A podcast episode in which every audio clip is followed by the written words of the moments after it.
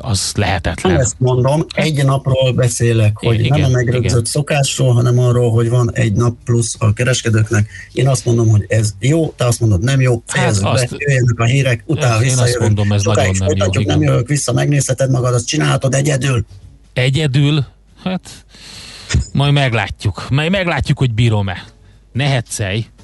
Műsorunkban termék megjelenítést hallhattak. Társadalmi célú reklám következik. Itt a 90.9 Jazzin. Váltsa valóra elképzeléseit az Uniós Horizont Európa program kutatási és innovációs forrásaiból. Az NKFIH ingyenes online rendezvénysorozatot indít 2020. február 11-től a sikeres pályázáshoz. 4 hét, 12 rendezvény, több mint 20 szakterület. Regisztráció www.nkfih.gov.hu Készült az Innovációs és Technológiai Minisztérium, valamint a Nemzeti Kutatási, Fejlesztési és Innovációs Hivatal támogatásával. A társadalmi célú reklám után hamarosan visszatérünk a stílusos zenékhez. Itt a 90.9 Jazzin. Reklám. Céges energiafogyasztás, energetikai tudnivalók, teendők és döntések. Tudni akarod, hogyan lehet hatékonyabb a céged? Fontos lenne, hogy pazarlás helyett a megtakarításon legyen a hangsúly. Tudj meg többet az energiahatékonysági megoldásokról. Minden kedden reggel 3.48-kor a Millás reggeliben. A Cég Energia Robot támogatója az Alteo csoport. Alteo.hu. Energiában gondolkodunk. A kimagasló nemzetközi sikerek után Magyarországon már aranylemez a legendás Mandoki Soulmates zenekar új dupla stúdióalbuma Living in the Gap és Hungarian Pictures. A közreműködők a Jet Rotal, a Supertramp és a Cream zenekarok sztárjai mellett olyan legendák, mint Aldi Meola, Randy Brecker vagy Cory Henry.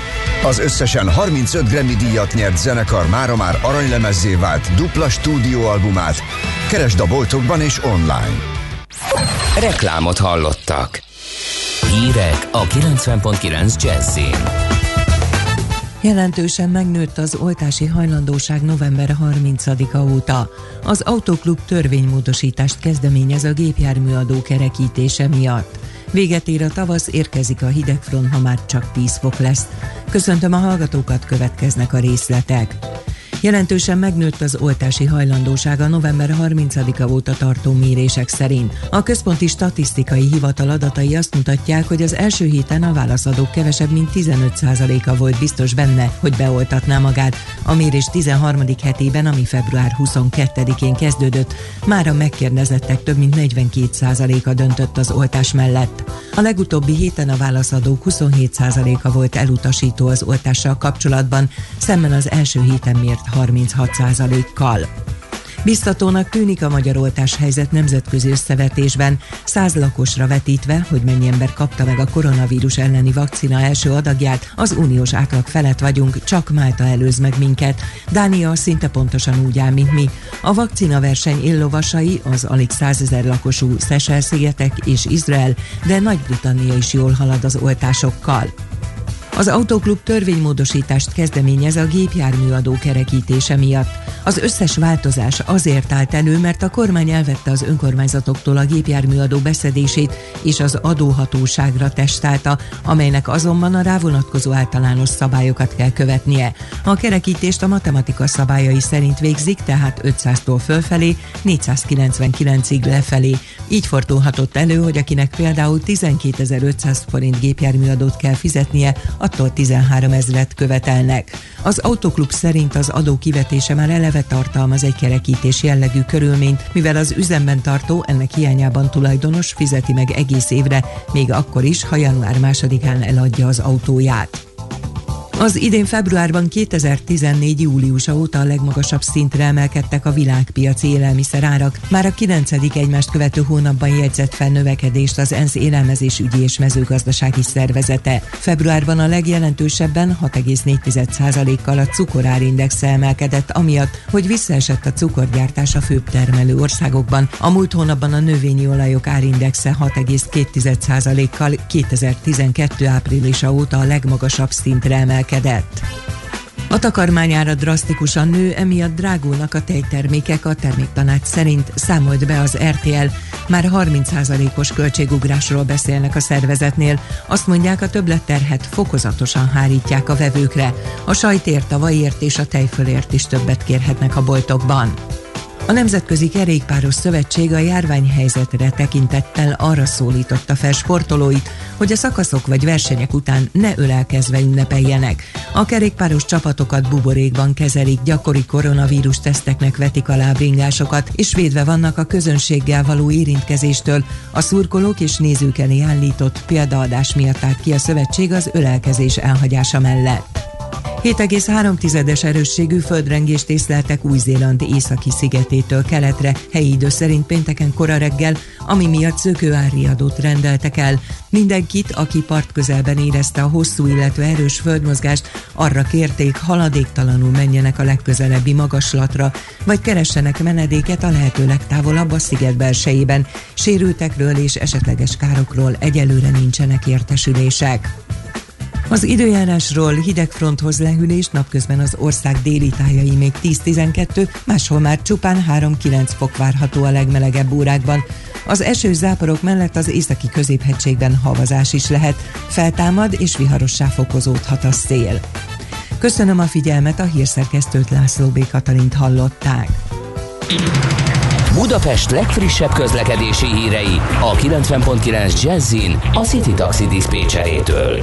Jó reggelt kívánok minden kedves hallgatónak! Megnövekedett forgalomban autózhatnak a városban, jellemzően a kis és nagykörúton, a rakpartokon van torlódás. Élénk a forgalom a Budapest környéki utakon is már. Útszökületre kell számítani a 10. keletben, a Kada utcában, a Sörgyár utcán mert csatornát javítanak, a 7. keletben a Kazinci utcában, a Dohány utca és a Veselény utca között egy rövid szakaszon csatorna javítás miatt útszökület lassítja a forgalmat. Balesetről nem tudunk, és trafipaxot sem láttak ma reggel a kollégák. Köszönöm szépen a figyelmüket, További jó utat kívánok! A hírek után már is folytatódik a millás reggeli, itt a 90.9 jazz Következő műsorunkban termék megjelenítést hallhatnak. Come on. come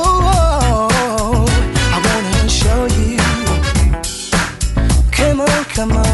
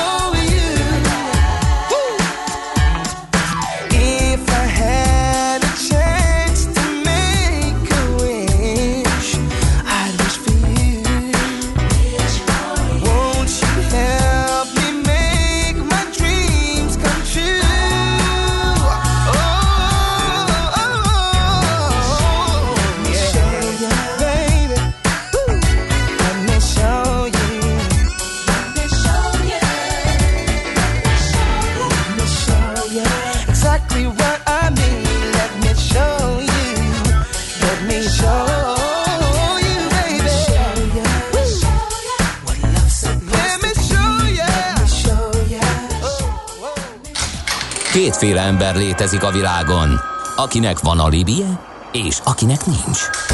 Az elsőnek ajánlott minket hallgatni, a másodiknak kötelező. Te melyik vagy? Millás reggeli, a 90.9 Jazzy Rádió gazdasági mapetsója. Ez nem animi, ez tény. A műsor támogatója a GFK Hungária, a cégek technológia alapú adatszolgáltató partnere. Szép jó reggelt kívánunk mindenkinek, aki most csatlakozik hozzánk. Ez továbbra is a Millás reggeli itt a 90.9 Jazzy Rádióban, mégpedig Gede Balázsral és velem, Kántor Endrével. Nem, nem, nem, nem, ezt én mondom Kántor Endrével, igen, bocsánat, kikapcsolva maradtak a kombok. Na szóval itt vagyunk mind a ketten, és nem politikusi vita zajlik itt a, a rádióban, tehát nem pacsizunk zene alatt, és uh, esünk egymásnak adásban, hogy ilyen kattintós, vagy nem tudom, ilyen nagyobb hallgatottságot növeljünk, hanem eszmét cserélünk arról, hogy az intézkedésekkel kapcsolatban milyen véleményeink vannak. De nézzük gyorsan meg, hogy milyen közlekedési infók jöttek. Budapest legfrissebb közlekedési hírei, itt a 90.9 jazz Baleset a Múzeum körúton az Asztória felé, balesetben sérült gépjárművet kell kerülgetni, tehát a Bródi Sándor utca után csak a buszsáv járható, ott tehát nehéz a haladás, és azt mondja kedves hallgatónk Lő Papa, hogy hajnalban hús volt, de nem csinálták meg a 32-eseknél a lámpát, és esemény van, klinikák ülői körút West End írja ő. Te tudsz valamit? Nagyon keveset. Az útinform arról ír, hogy élénk a forgalom a Budapest környéki utakon, 10-es út, 11-es út, Pomász Budakalász környéke, hát a szokásos helyzet. Viszont van egy friss info, az m autópálya Budapest felé vezető oldalán Ócsa és Budapest határa között a szalagkorlátot mossák, és az elválasztó sávon eldobált szemetet szedik össze. Ez délután 5 óráig jelenti a belső sáv szakaszos lezárását. A lehetetlent kizártuk. Ami marad, az az igazság, akármilyen valószínűtlen legyen is. Millás reggeli. Most pedig arról fogunk beszélgetni, hogy mit csinál az Országos Kórház Főigazgatóság, mert hogy itt van velünk a vonalban az Országos Kórház Főigazgatóság főigazgató helyettes a dr. Takács Péter. Szép jó reggelt kívánunk! Jó reggelt kívánok mindenkinek! Jó reggelt kívánunk! Na hát majd azt is megbeszéljük, hogy, hogy mi az a NEAK, ugye erre is ki fogunk térni, alapvetően ezt is szeretnénk tisztálni, a Nemzeti Egészségbiztosítási Alapkezelőről van szó, ezt ennyit dióhéjban elárulhatunk, de ugye mostanában sokat hallunk az Országos Kórház főigazgatóságról, ami egy viszonylag új szerv, illetve volt egy előd intézménye. Mi ez, mit csinál a főigazgatóság, mit kell róla tudni? A főigazgatóság irányítja operatív szinten gyakorlatilag a tervezett magyar egészségügyet. Ez azt jelenti, hogy a alapellátástól kezdve a járóbeteg szakellátáson át a magas progresszivitási szintű fekvőbeteg intézményekig, vagy fenntartó jogokat gyakorlunk, vagy valamilyen szakmai irányítási jogosultságunk van. Dióhéjban ennyi. Ez a gyakorlatban azt jelenti, hogy a, a legtöbb magyar kórháznak a, a, eddig az állami egészségügyi ellátó központ volt a fenntartója, most ugye ez beolvadt az országos kórházi főigazgatóságba, de országos kórházi főigazgatóságnak egy széleses spektrumú, kiterjedtebb jogköre van, ö, olyan intézményekre is, akikre eddig a, az AEK-nak nem volt Aha, világos. Ugye itt azért méretes átalakítások vannak, hát ugye pont most zajlott le, hogy az egészségügyi dolgozók jogviszonyának átalakítása, hát nem minden zaj nélkül, de mondhatni, hogy talán jól megúsztuk, ugye eltekintve pár ezer egészségügyi dolgozó távozásával. Az időzítés az, az szerencsés, vagy ez hogy volt, hogy ez, ez terve volt ez az átalakítás, és így jött ki, mit tudunk Igen, erről? ebben ugye az Országos Kórházi Főigazgatóság nagyon proaktív szerepet játszik, tehát ö, ö, nem pusztán jogalkalmazók ö, vagyunk, hanem nagyon sok olyan ö, egészségügyi átalakítással kapcsolatos döntés ö, születik meg, amit ö, mi katalizálunk, vagy akár a, a mi műhelyeinkben ö, történik ezeknek a, a kidolgozása. Az egészségügyi jogviszony szolgálati jogviszony az nem egy friss történet. Tehát azért azt látni kell, hogy erről a gondolkodás az tavaly előtt már elindult, tavaly előtt év vége felé már volt erről gondolkodás, és tavaly tavasszal már ugye konkrétan elkezdődött a, a munka. Úgyhogy meglepetésként senkit nem érhetett. Igen, tudtuk, hogy járványidőszak van. Az, hogy most pont a harmadik hullám felfutása az aláírás idejére esett, határidejére esett, én ennek megmondom őszintén, olyan nagyon nagy jelentőséget nem tulajdonítok. Igazából ezt körülbelül rendszerváltás óta várta az ágazat, hogy tisztább viszonyok teremtődjenek, és önmagában az a tény, hogy több mint 96% aláírta a közalkalmazott egészségügyi dolgozóknak, szerintem jól mutatja, hogy egy tiszta, higgadt kommunikációval, partnerként tekintve kamarákat, szakmai szervezeteket lehet jó eredményt elérni, és meg lehet beszélni az ágazatban dolgozó valamennyi kollégánkkal azt, hogy, hogy mi a víziója az új egészségügyi rendszernek. Ez a 96 százalék, ez tényleg százalékos arányban jól hangzik, de eleve munkaerőhiányjal küzd az egészségügy, és az a maradék 4-5 százalék az egy elég komoly érvágásnak is tekinthető. Hát, hogyha azt nézzük, hogy a október óta felmondási moratóriumban, és ha időrányos fluktuációt nézzünk erre az időszakra vetítve, az 6,7 és ahhoz képest 3,5% most az alá nem írók aránya, az szerintem azt mutatja, hogy azért olyan nagy baj nincsen. Az meg, hogy munkaerő hiányjal küzd az egészségügy, az így ö, explicit módon azért nehéz kijelenteni, mert ez teljesen nem igaz. Tehát egy rossz humán erőforrás allokáció van egy, egy elavult rendszerben, amit, ami miatt úgy érezzük időnként, hogy kevés a humán erőforrás, hogyha orvosok tekintetében ez semmiképpen nem igaz, tehát az orvosi humán erőforrás európai szinten lakosságarányosan középmezőnyben van, a, a szakdolgozók szintjén már egy kicsit Európai Unió átlag alatt van, az egészségügyben dolgozók azok azok, akik egy nyugati államhoz képest mondjuk kisebb arányban vannak jelen az egészségügyi működtetése során. A, a, az egyik fő feladat, bocsánat, ezt a rossz humán er- erőforrás allokációt megváltoztatni és, és rendbe tenni? Azt látni kell, hogy most az egészségügyi rendszerünk egy elavult kórházközpontú struktúrát tart fenn, uh-huh. ami, aminél szétaprózóztak nagyon a kapacitások. Tehát nem lehet hatékonyan működtetni sem gazdaságilag, sem szakmailag néhány tízágyas aktív szakmás, műtésztes szakmás kiskórházat. Meg valljuk be, nem is az a jövő betegbiztonság szempontjából, szerintem nincs az a nagymama, akit ha megkérdezünk, hogy az unokáját ott operálják-e meg, ahol öt ilyen műtétet végeznek évente, vagy ott, ahol 500-at, hát nincs az, aki azt mondja, hogy ott, ahol ötöt. Ez a szocialista rendszerben egy túlburjánzott fekvőbeteg ellátást örököltünk, szocialista rendszerből, ahol az volt a a rendszer hazugsága, hogy mindenkinek jár a lakóhely közeli legmagasabb szintű ellátás. Ugye ezt nyilván az ember egy kicsit végig gondolja, ez nem igaz. Tehát egy normális piramis alapú felépítményt kell az egészségügyben kialakítani, és lakóhely közelben valóban azokat a szolgáltatásokat kell otthagyni, amire a lakosságnak szüksége van. Ez pedig a modern orvoslásban az egy napos sebészet. Nagyon próbáljuk majd abba az irányba terelni, hogy amit csak lehet uh-huh egynapos sebészet keretében vagyunk meg. Hello. Azért eb, én itt vagyok. Igen, halljuk, ha nyugodtan folytassa. A, az egynapos sebészet, amit csak lehet ennek a keretében oldjunk meg.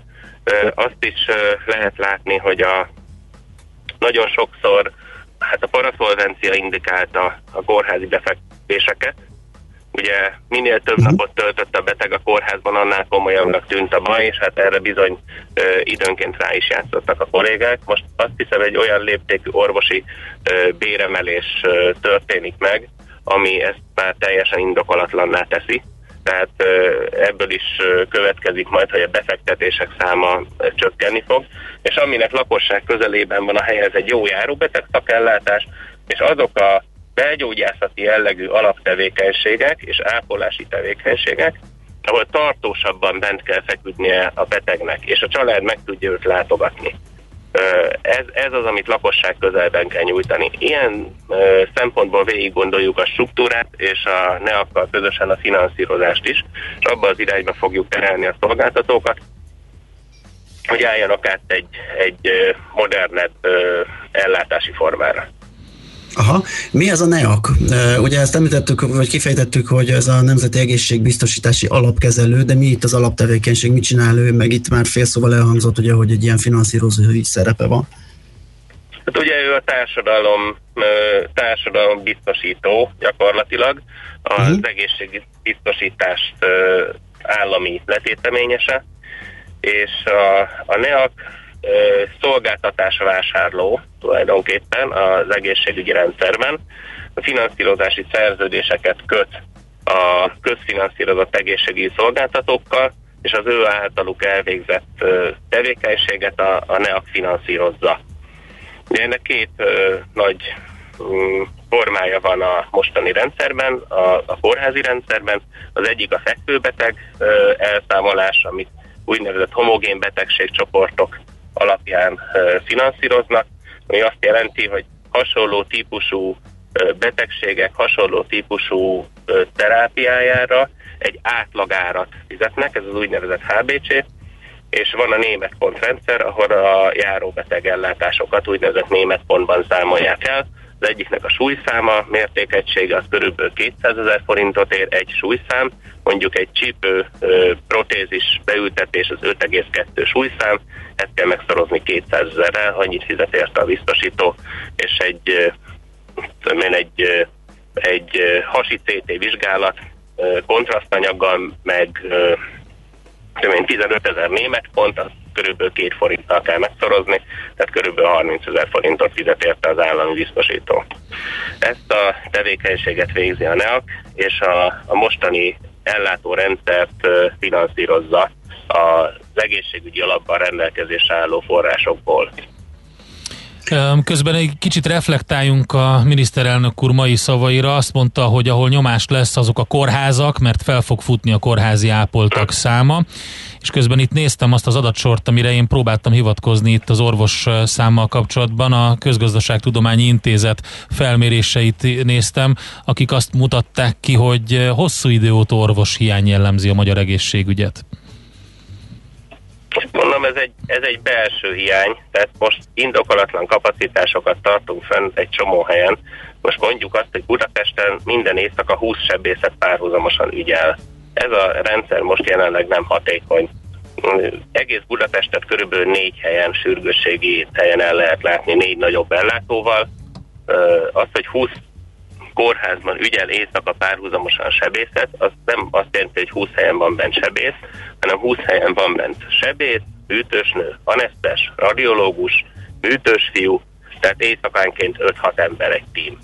Most ez 20 helyen fenntartani pazarlás. Ezeket a, a pazarlásokat kell felismerni és racionalizálni, beterelni a nagy ö, sürgősségi ellátókba ezeket a kapacitásokat, mert az, hogy éjszakánként van egy műtét egy kiskórházban, és emiatt hat embert ö, tartunk, akinek a bérét fizetjük, hát azt nem kell ö, nagyon ö, kifejtenem, hogy ez mennyire hatékony ö, gazdaságilag.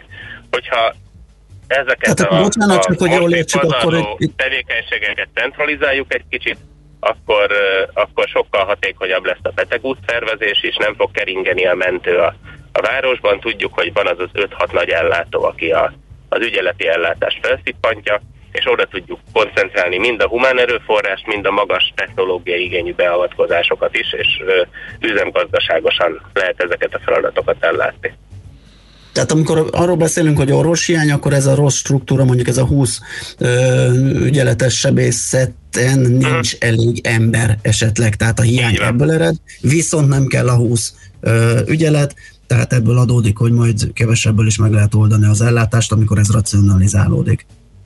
Így van, ezen dolgozunk most. Aha. Azt nagyon pontosan ki kell mérnünk, hogy hány helyen és hova allokáljuk ezeket a, erőforrásokat, a betegbiztonság azért a legfontosabb szempont. Tehát hát igen, ide a baleseti is bele kell venni, ugye kiszámíthatatlan a helyzet mondjuk a baleseti ügyeletek miatt, tehát ott ben kell, hogy legyenek az emberek. Igen, de a baleseti ügyelet, hogyha öt helyen van, akkor öt helyre viszi a mentő, tehát uh, ugyanúgy a mentők tudni fogják, hogy hova menjenek be a balesetekkel, tehát a balesetet az folyamatosan 0-24 órában az egész városban így is nagyjából uh, négy darab kórház biztosítja. A, a, például Budapesten a Szent János, a Honvéd, a Baleseti Központ, meg a, meg a Merényi. Tehát ott már azért egy centralizáció megvalósult, és azért a négy ellátóhely és a 20 ellátóhely között elég lényeges különbség van humán erőforrásban. Azt lehet látni az adatokból, hogy komoly stresszteszt következik, mint a bankrendszernél szokott lenni most. Azt mondja a kormányfő, hogy most jelenleg ugyan 6-7 ezer ember van kórházban, ez akár 20 ezerig is felmehet. Hát ez a legrosszabb forgatókönyv mindig, amire készülünk mindig a legrosszabb forgatókönyvre kell készülni, ugye a biztonság szempontjából. Ezt ö, meg fogjuk tudni oldani. Uh, én olyan szerencsés helyzetben vagyok, hogy uh, januárig az egyik legnagyobb Covid ellátó kórházat vezettem, a Szent János kórházat, és uh, itt viszonylag jó tapasztalatra tettünk szert abban, hogy hogyan kell el átszervezni egy kórház belső életét ahhoz, hogy a koronavírusos betegek ellátására tudjuk meg kapacitást felszabadítani. A, ezt általában az összes nagy ellátó vezetője tudja. Tegnap volt egy kórházigazgatói megbeszélés ezzel kapcsolatban. Én ott azt kértem a, a megyei kórházak főigazgatóitól, hogy az ő kórházukban és az alájuk rendelt a kórházakban kezdjék el azokat a, a osztályösszevonásokat, amikkel ápolási egységet tudnak felszabadítani. Az ápolási egységen én nem csak ágyat értek, hanem a hozzátartozó szakdolgozót, meg orvost is. Tehát ahol mondjuk van egy sebészet és egy urológia, most szigorúan csak a súlyos, életveszélyes vagy maradandó ö, egészségkárosodással fenyegető állapotokat kell kórházba fölvenni. Tehát a, a normál 60-70 százalékos terítettség ö, helyett most egy 40-30-40 százalék közötti terítettségű osztály van az urológián, meg a sebészeten. Ezeknek az osztály funkcióját egy helyre lehet költöztetni, és már is föl lehet szabadítani mondjuk kettő ápolási egységet az egyik osztályon. Hasonló társszakmák összevonva működtethetők, tehát össze lehet költöztetni a belgyógyászati társszakmákat, mondjuk a kardiológiát a gastroenterológiával egy folyosóra, gyakorlatilag egy szakdolgozónak mindegy, hogy, belgyó, hogy gastroenterológiai vagy kardiológiai beteget ápol, és így mondjuk egy folyosónyi szakdolgozót át lehet irányítani COVID osztályra. Tehát ezeket szépen most elkezdjük ugyanúgy megcsinálni, hogy tavasszal, meg kora ősszel, most szépen visszarendeződnek a, a COVID kapacitások. Mennyi idő lesz ez? Mit lehet tudni? Hogy, hogyan terveznek, hogy mikor lesz itt egy egységes rend, vagy mikor lehet? Hát remélhetőleg minél, minél előbb. A, ugye az az egészségügyi válsághelyzet, tehát most nyilván ez a legfontosabb, hogy ezt menedzseljük. Igen. Közben a háttér munka zajlik, tehát a finanszírozási rendszer átalakítása elkezdődött, most hamarosan megyek pont a, a NEAK-ba, és tárgyalunk egy dinamikusabb finanszírozási modell bevezetésének a részletszabályról. A házi orvosi rendszerhez nagyon komolyan hozzányúltunk, amiről talán hallottak már a praxis közösségek létrehozásával. Ott is az a célunk, hogy amit egy praxis nem tud üzemgazdaságosan megvalósítani, például nem tud dietetikust alkalmazni, gyógytornászt alkalmazni, azt azért 5-6 praxis összefogva egy emelt finanszírozás mellett már uh, tudja majd biztosítani alapellátásban. Tehát nagyon sok mindent lakosság közelbe le tudunk hozni a szakellátásból, és uh, mindenhol ezt a, a hatékony üzemgazdasági szemléletet próbáljuk meg most keresztül vinni, amellett, hogy ennek egy plusz hozadéka egy jó szakmai kooperáció, és egy magasabb minőségű lakosság közelben megvalósuló ellátás reményeink szerint.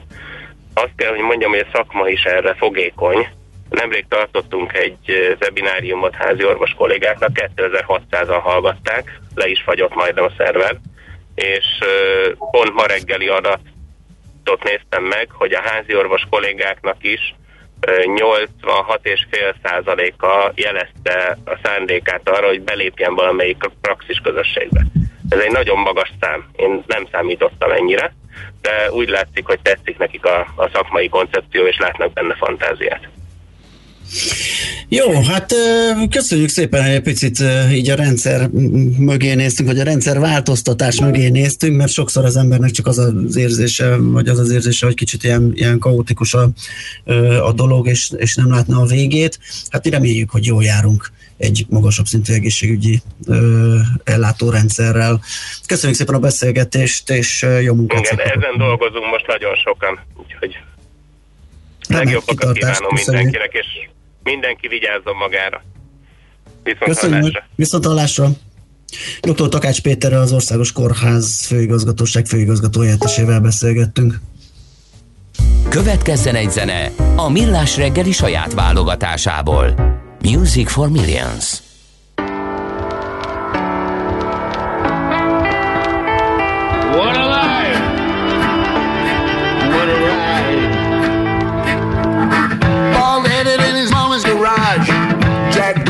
His flag out. He got caught talking like the dick that it was, threading in a shootout. Got him in a tight spot. You know you better keep it locked. Now this bad sister tried it out as a nun, had to work with the sinners. She got caught selling hot cross buns. But a fool of winner kept you in tight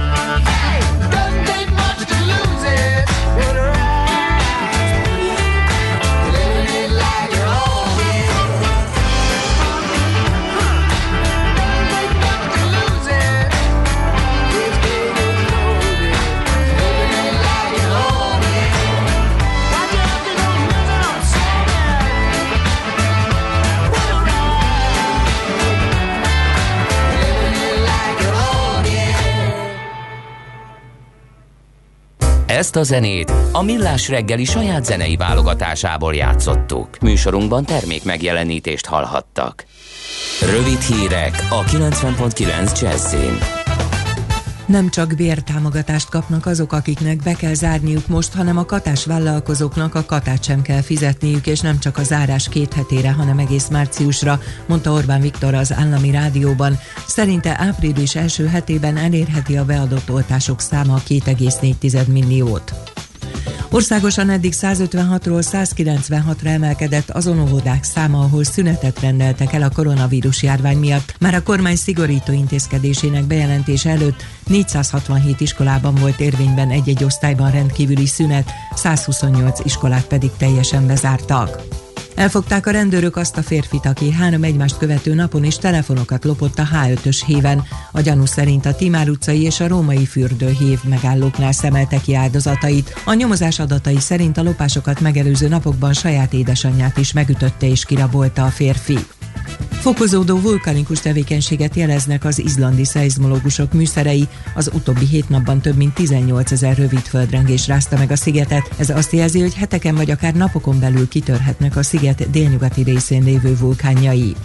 Hidegfronthoz lehűlés napközben az ország déli tájai még 10-12, máshol már csak 3-9 fok várható. Az esőzáporok mellett az északi középhegységben havazás is lehet, erős lesz a szél. Köszönöm a figyelmet, a hírszerkesztőt László B. Katalint hallották. Budapest legfrissebb közlekedési hírei, itt a 90.9 jazz a fővárosban egy balesetben sérült gépjárművet kell kerülgetni a Múzeum körúton az Asztória felé a Bródi Sándor utca után. A Vámház körúton a Lónyai utcától araszolásra készüljenek. Telítettek a sávok a Budaörsi úton a Sasadi úttól befelé, az Árpád fejedelem útján a Margit híd előtt, a Rákóczi úton a Barostértől a Blaholújza térig, illetve a Kerepesi úton befelé a Fogarasi út előtt. Továbbá élénk a forgalom a Szélkálmán tér környékén, a 11-es főúton az m 0 és a Pünköst fürdő utca között, az M3-as bevezető szakaszán a Szerencs utcánál, az Üllői úton a Kőér utcától befelé, a Hungária körúton mindkét irányban a Tököli útnál és a Kerepesi útnál, a Könyves Kálmán körúton pedig a Rákóczi híd előtt. Útszűkletre számítsanak a 7. kerületben, a Kazinci utcában, a Dohány utca és a Veselényi utca között egy rövid szakaszon, valamint a 10. kerületben a Kada utcában, a Sörgyár utcánál, mert csatornát javítanak. Ezen a hétvégén az M3-as metró helyett a Lehel tér és Kőbánya Kispest között közlekedik a pótlóbusz a felújítás miatt. Szegi Dániel, BKK Info. A hírek után már is folytatódik a millás reggeli. Itt a 90.9 jazz Következő műsorunkban termék megjelenítést hallhatnak. Aranyköpés a millás reggeliben. Mindenre van egy idézetünk. Ez megspórolja az eredeti gondolatokat. De nem mind arany, ami fényli. Lehet kedvező körülmények közt gyémánt is. David Gilmore azt mondja, hogy szombaton lesz 75 éves. Uh, ugye Pink Floyd egyik uh, atya, nagyja. Azt mondja, az egyetlen út, ha a művészek saját maguknak csinálják a dolgaikat. Azon agyalni, hogy a közönség mit akar, vagy mit szeret, baromság mondta töményen és velősen David Gilmore, most szombaton lesz, tehát 75 éves. Már kiszemeltem egy jó muzsikát neki de ezt majd csak a következő uh, rovat után fogjuk meghallgatni. Aranyköpés hangzott el a millás reggeliben. Ne feledd, tanulni ezüst, megjegyezni arany. Az egészhez két fél kell. Az egészséghez klíma és egészségtudat. Az vagy, amit eszel, ha nem műanyag akarsz lenni, tenned kell érte. Egészséges táplálkozás, fenntarthatóság, környezetkímélő technológiák. Szeretsz nagy lábon élni? Kis lábnyommal menni fog. Lábnyom, a millás reggeli klíma és egészségtudatos ökorovata. Neked mekkora van? Nos, hát kérem a szépen... A reggeli klíma és egészségtudatos ökorovata hangzott el. Lábnyom, neked mekkora van? Nem hangzott még el, most hangzik el. Most hangzik el. Ennél több időt szánunk erre, hogy egy nagy kérem szépennel befejezzük ezt a rovat, elkezdjük és befejezzük ezt a rovatot. Igen, picit utána nézünk annak, hogy az ökológiai lábnyomunk során így az energia felhasználás például mennyit nyom a labban, illetve a termelők és áruféleségek előállítói azok hogyan viszonyulnak ehhez, és tesszük ezt Strasser Kátai Bernadette a Real Nature Kft. ügyvezetőjével, valamint Rudnai Évával a Real Nature Kft. marketing és kereskedelmi vezetőjével. Jó reggelt kívánunk nektek, sziasztok! Jó reggelt! Mindjárt megjön Bernadett is, egy Mindjárt pillanat. Bernadett, jó, megvárjuk, oké. Okay. Ja, hogy mert, mert hogy most hívjuk. Aha, jó van, akkor egy kicsit meg vagyunk ezzel csúszva. A lényeg az, hogy ugye Itt azt hallottuk, hogy a, a nálatok is, tehát nem csak a termékösszetétel, nem csak a csomagolás, csomagolóanyag, nem csak a logisztika, amiről beszéltünk, ugye próbál zöldülni és, és kisebb ökológiai lábnyomot hagyni, hanem az energiafelhasználásban is próbáltok zöldíteni. Így van, erről úgy vélem már beszéltünk korábban is. A saját székházunkat is úgy alakítottuk ki például, hogy egy ilyen okos házban vagyunk most, amely minél kisebb, majd közelítve az éró terheltséghez, környezeti terheltséghez működik. Ugyanígy a logisztikánkban is optimalizáltunk, és hát a termelés során is folyamatosan optimalizálunk, illetve a csomagolóanyagok tekintetében is folyamatosan az újrafelhasználható anyagok újrafelhasználása történik, a PET palackokban is, illetve a poharas termékek esetében is újra felhasznált anyagokat használunk fel fokozatosan és egyre, egyre jobban, ahogyan a technológiai fejlődések ezt engedik is, és ahogyan a technológiai fejlődésekkel lépést lehet tartani. Ezt hogy csináljátok, hogy ha megvan az a technológia, amivel ti magatok tudjátok újra használni például ezeket a csomagolóanyagokat, vagy pedig valami jó kis számítás alapján begyűjtöttek annyi olyan anyagot, amennyit ki is bocsátotok? Mi történik? Gyakorlatilag ugye van, van a társadalomnak, illetve a gazdasági rendszernek egy jól ö, használható rendszere, ez a ö, recycling, amit ö, egyre, egyre jobban szerencsésen itthon is használnak a magyar lakosok és a hulladékgazdálkodás is egyre nagyobb figyelmet fordít e tekintetben. Tehát alapvetően ugye a háztartásból kikerülő csomagolóanyagok is így kerülnek felhasználásra, elkülönítésre, és aztán készülnek azok a granulátumok, amelyeket, amikor a csomagolóanyagokat előállítjuk, előállítják a gyártóhelyeken, akkor ezt újra újra felvásárolva és újra hasznosítva beépítik a csomagolóanyagokba. Ugyanakkor ugye természetesen vékonyítottunk is magán a csomagolóanyagon is, ha egy PET palackot is megnézünk, nem csak az, hogy újra hasznosított anyagokból készül, de egy vékonyabb csomagolóanyagból készülnek, ezek sokkal puhábbak, és hát a technológiai fejlesztésnek köszönhetően a, a termékben lévő ö, mikrobák, illetve ö, egyéb kémiai, biológiai anyagok, ezeket az anyagokat nem ö, nem károsítják, nem bomlasztják, és így a szervezetbe sem tud ö, belekerülni. Az, hogy, az, az, hogy egy ilyen okos irodaházban dolgoztok, és próbáltok mindenen zöldíteni, ez mennyiben fontos fogyasztói szempontból? Mennyiben derül ki egyáltalán, amikor leveszek én egy milyen szója tejet mondjuk, vagy valamit a polcról, hogy, hogy én azt nem látom, hogy ami rá van írva, hogy a forgalmazó címe, hogy az mennyire, mennyire ökológiailag mennyire van rendben mondjuk az a hely az adott címen. Tehát ez inkább a partnerek felé belső indítatás egy ilyen cégnél, vagy miből ered? Alapvetően belső indítatás. Ezt nagyon nehéz kommunikálni a termékeken, ugye elég kötött a termékeken a csomagolóanyagon szereplő kommunikációs lehetőség. A kötelező jelölések, erről is beszéltünk korábban, a kötelező jelölési elemek miatt. Tehát kevésbé van lehetőség erre kommunikálni. Természetesen minden egyéb platformon próbáljuk ezt kommunikálni, hogy mi milyen sokat teszünk a környezetért, a fenntarthatóságért és a, a jövő ökológiájáért. De, de igaz, hogy a fogyasztó, amikor leemeli a polcról a terméket, ott a terméknek a csomagolásáról nem feltétlenül tud arról értesülni, hogy mi egy okos házban dolgozunk, és már az irodaházzal is megteszünk mindent annak érdekében, hogy a fenntarthatóság és a környezetünk védelme minél jobban érvényesülhessen. Hogyha már terméket emelgetünk a polcról, akkor nem hagyhatjuk szó nélkül, hogy itt jön a harmadik szigorítástál még jobban egy kicsit beleszünk zárkózva, de egyébként is a home office meg ezzel a túl sűrű itthonléttel azt hiszem túl sokszor emelgettünk termékeket a polcról, vagy akár a hűtőnkből, Hát én sajnos magamból kiindulva, hogy és így szépen szívódnak föl ezek a kilók az emberre. Most jön a harmadik hullám, mit lehet tanácsolni, mit lehet mondani, hogy mit tegyünk ennek elkerülése érdekében, mivel lehet egy picit, ha már van ez a kényszer, akkor valami alacsonyabb kalóriatartalmú és egészségesebb összetételű ilyen ö, köztes anyaggal, rákcsálni valóval megpróbálni elkerülni ezt, mit csináljunk?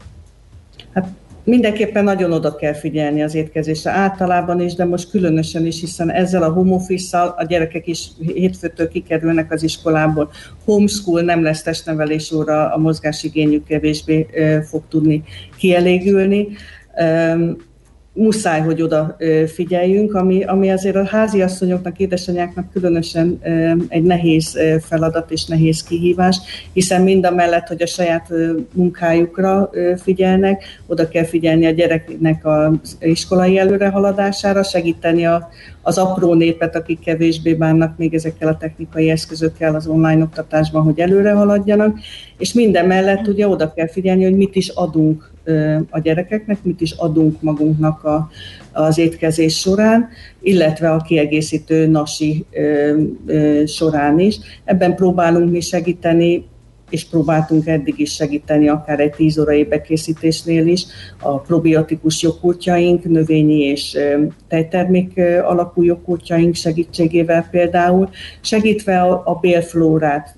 segítve az egészség megelőzés, hiszen a bélflórának ugye fontos, elengedhetetlen szerepe van, nem csak egy antibiotikus kúrában, hogy probiotikumot fogyasszunk, hanem az egészség fenntartása során is, hogy probiotikumokat fogyasszunk.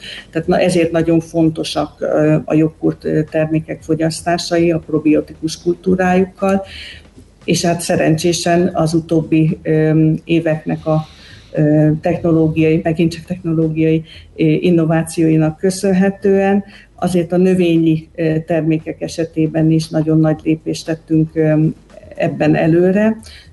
Indultunk annak idején a szójagúrtjainkkal, a pár éve már forgalmazzuk a kókuszgurtjainkat, ezek mind-mind különleges technológiai fejlesztéseknek az eredményei, hiszen a növényi kultúrában a probiotikumok kevésbé tudnak életben maradni, kevésbé tudnak szaporodni, és hát vezetjük be folyamatosan, ott vagyunk a polcokon már a mandula alapú Joya termékeinkkel is, amelyek segítik a, a az édesanyákat segítik, a gyermekeket, segítik a home office-ban dolgozókat, hogy próbáljanak meg a sok zöldséggyümölcs mellett is, ami szintén elengedhetetlenül fontos, egy kicsit egészségesebb plusz bevitelt vinni a mindennapjaikba, egészségesebben kényeztetni uh-huh. magukat.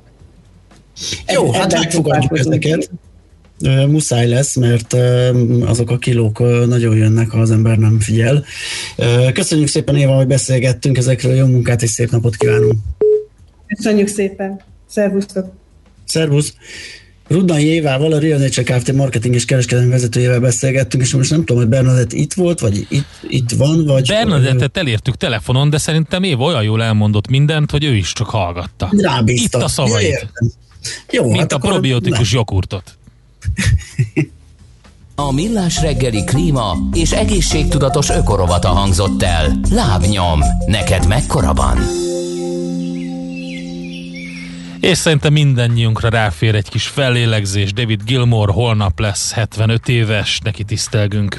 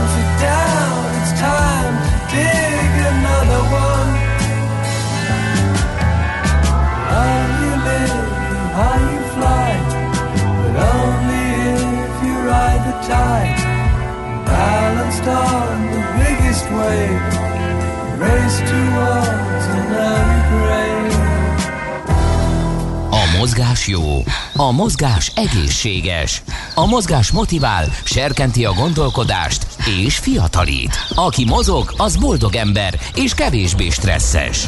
Pályán, ösvényen, vízben, nyeregben, egyedül vagy csoportosan, labdával vagy anélkül, mindegy. A lényeg, hogy mozog. Épp testben. Nem tudom, hogy kevésbé stresszes ezekben a járványjal sújtott időkben, de majd megkérdezzük Csanyától, versenyrendezőtől, a telepfutás.hu tulajdonosától. Jó reggelt, szervusz! Jó reggelt, sziasztok! Mennyire Ja. stresszes a versenyrendező? Hát pont annyira, mint a, a fodrász, vagy a, a, vagy, a bár, vagy a bárki, akinek bezárják a boltját most hétfőtől. Illetve hát nekünk ugye sokkal hamarabb kezdődött, mert gyakorlatilag mi tavaly március Igen. óta zá- zárva vagyunk. Nyáron volt az a rövid, rövid időszakos feloldás, amikor nekünk sikerült egy darab versenyt megrendezni. Másoknak még annyit se, azok, azok még rosszabb helyzetben vannak. A nyolcadikán virággal futást lehetne csinálni, nem esetleg? Tehát így Ha nyitva lennének a virágboltok. nyitva lesznek. Nyitva lesznek? Igen, csak azért mondom, tehát akkor mo- mondjuk esetleg összekötni a kettőt, és akkor egy ilyen el, el, elfutunk. pikírtkedik, mert volt itt Nem egy kis pikírtkedek. és itt eh, most eh, próbál erre eh, utalni. De tényleg mit tudtok csinálni, vagy hogyan lehet-e esetleg valamiféle nem tudom, korlátozott módon, hogy terveztek?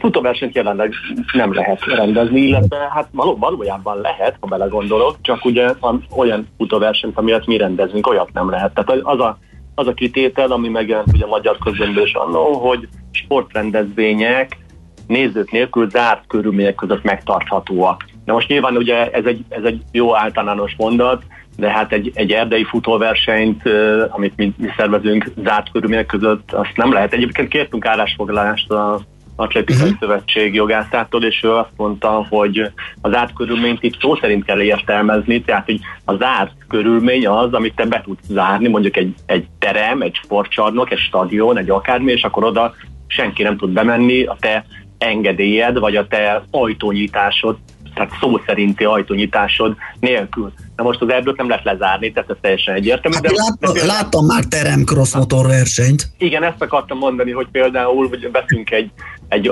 egy, egy stadiont, amin van egy reportánpálya körbe a, a belső pálya körül, és akkor ott ad abszurdum lehet futóversenyt is szervezni, csak ugye ez nem terepfutás, de, de futóverseny. Tehát mit a 800-as országos bajnokság simán megtartható így ebben a formában, hiszen oda nem tud bemenni senki. Mi ezt nem tudjuk megtenni, nem tudjuk garantálni, hogy nem téved oda a- gyakorlatilag akárki a futóversenyünknek az útvonalára. Ezért aztán az átkörmű nem valósul meg. Hát, szóval így. Igen, közben ke- kollégánk kérdezi, hogy vértestrél lesz de hát szerintem akkor ez megkapta a választ. Hát megkapta a választ, igen, március vége lett volna a VTM, de, de nem, nem, nem. Az, az, azt tudja, hogy elmarad. Hát figyelj, én egy, egyre borulátóbb vagyok így. Uh-huh. Ahogy, így jön, ahogy így jönnek a hírek, hogy ez zár be, meg az, meg az iskolákat, igen. küldik a diákokat. Tehát ez nem egy, nem egy pozitív változás, amit én most itt látok. Azt mondja a kedves hallgató, a terepfutás nagyon életveszélyes a szabadban, mert ott nagyon fertőz a Covid. Jó, hát ezt tudjuk mindenki persze, de nyilván a törvényalkotónak ugye nem arra kell gondolnia, hogy, hogy terepfutás, vagy teljesménytúra, vagy bármilyen mountain bike hanem, hanem konkrétan ő neki egy mozdulattal be kell tiltania, mondhatjuk azt, hogy mindent. Tehát ő nem térhet ki arra, hogy a a sportrendezvények tilosak, de, és akkor, mert ugye tudjuk, hogy mi történik a de után, akkor rögtön elkezdődik a, a kiskapu keresés, meg az akármi, tehát hogy ez, ez, ez sehova nem vezet. Tehát sajnálatos ez a fűnyíró elv. Ami, Egyébként ami meg tudnátok van. rendezni úgy, hogy az biztonságos legyen, mert nyilván nem a terepen egyedül futással van a probléma, hanem mindig a befutóval, az induló, a rajtal, esetleg a, a versenyközponttal, tehát e, e, a problémás helyek ezek, ahol ott van mindenki. Szerintem simán megtartható lenne, igen. Mert ha belegondolsz, például vannak olyan versenyek, például a Sparta részen ott úgy van, a, mivel hogy óriási tömeg, vagy nem tudom, tudjátok, nagyon nagy tömeg van a, a Sparta részeken, tehát ilyen 10-12 ember is előfordul egy, egy Spartan részen, ott konkrétan rajtidőpontokat kapnak az emberek. Tehát ott szakaszos rajtoltatás van, ilyen blokkokba rajtoltatják, tehát ad abszurdum is meg tudnák azt csinálni, ha belegondolok, hogy amit ők megcsinál 12 ezer emberrel, mit tudom, 200-as blokkokba, azt én megcsinálom a 1000 fős VTM-en, tízes blokkokba, nem? És akkor azt Aha. mondom, hogy ez, ez a tíz ember névre, ez a tíz ember, ez 9.05-kor rajtol, a következő tíz, stb. Csak hát ugye ez nyilván, nyilván sokkal egyszerűbb. Tehát én megértem a törvényalkotót abszolút, tehát átérzem a helyzetet. Tehát így, ugye meg hát ismerjük a magyar mentalitást, oké, okay, akkor így lesz, aztán baroména nem úgy lesz. De hát, én fogom játszani akkor itt a, a rossz fiút ebben, a te olyan megértő vagy. Én nem értem meg. Megmondom őszintén, hogy szabad közterekre menni, parkokba menni, sétálgatni, Aha. a Dunakorzon, a, a, fölmenni a libegőhöz, és a többi mi a különbség? Az összes strand terület, meg minden teljesen tele van emberekkel, fürtökben lógnak az emberek. Nincs különbség? Sőt, gyakorlatilag jóval nagyobb a népsűrűség mondjuk egy Margit szigeten, vagy a normafát, amit lezártak ugye többször már a rendőrök, mert akkor a tömeg volt. Nyilván ott több ezer ember is volt, mi meg mondjuk azt mondjuk, hogy 500 fő, akkor 500 fő.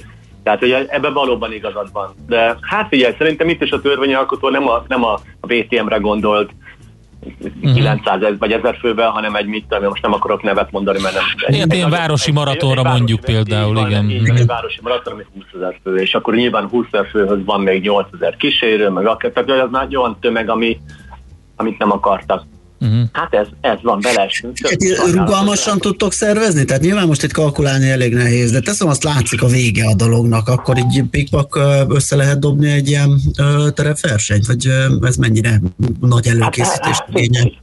A, a, nagy előkészítést igényel, de ha. nekünk gyakor, gyakorlatilag csak a startgombot kell megnyomni. A mi esetünkben, figyelj, most nem árulok el nagy titkot, mert a, a garázsunk az kb. 5 tonna érem van a garázsunkban. El kéne nyerni. Valakinek el kéne nyerni. hat, hat komplet versenynek az érem részlege le van öntve, azt nyilván ki kell fizetni, de ott van, az engedélyeink azok mindenre megvannak, nyilván azzal a feltétele, hogyha feloldják a járványügyi szabályokat, bla bla bla. Tehát, hogy gyakorlatilag mi rajta készen vagyunk a helyszínek lefoglalva, tehát annak a kezdve kijön a magyar közlönybe az a mondat, vagy a rendezvény tilalmat feloldják, onnantól kezdve gyakorlatilag mi is tartok, készen vagyunk. Ráadásul várj, mert csörög, ezt elutasítom. El. Igen, halljuk, vedd csak fel. Igen, igen kivettem. szóval, hogy, hogy, és nekünk ugye az a szerencsénk, hogy bazi gyorsan betelnek a versenyeink, tehát hogy mondjuk, ha mondjuk két hét állna rendelkezésre így a feloldástól számítva, akkor én egészen biztos vagyok benne, hogy majd, hogy nem minden versenyünk teltházzal tovább tudna menni. Jó, ezek kis versenyek, mindig hozzáteszem, tehát nem egy budapesti 20 ezeres maraton, mert az nyilván egy teljesen más szervezést igényel. Ja, úgyhogy amikor feloldják, akkor mindenki ugrunk az erdőnek. Mondhatjuk így. Oké, okay, hát figyelj, hát akkor szurkolunk. azért szorítunk, hogy minél előbb megjelenjen az a mainál kellemesebb hangvételű magyar közlöny, amiből ti azt láthatjátok, hogy erdőről ülhet a rajtpisztoly. Hát, ez nagyon remélem én is. Oké, okay, köszönjük szépen a beszélgetést, szép napot neked! Köszi, sziasztok! Ja. Csanyával, versenyrendező, ő beszélgettünk, a terefutás.hu tulajdonosa is. Hát ilyenkor, amikor nem lehet futni, akkor a legjobb ilyen oldalakat böngészni, és akkor az ember nosztalgiázott. Nagyjából így utazgatunk, meg így csinálunk egy csomó mindent. Épp testben. A millás reggeli mozgáskultúra rovata hangzott el. Ne feledd, aki mozog, az boldog ember. No. Tényleg véletlenül milyen jó végszó ez, hogy így utazgatunk mi. Hírek után jövünk, és igen és nem utazgatunk, csak hallgatjuk Ut- a... Utazga, uta, tervezgetünk, tervezgetünk, de, de az tök jó az is. Közben azt írja a hallgató, nagyon aranyos, és, és nekem leginkább az indok tetszik, az indoklás. És őszinte, és tiszta, transzparens üzenet, ebből egyébként elég, elég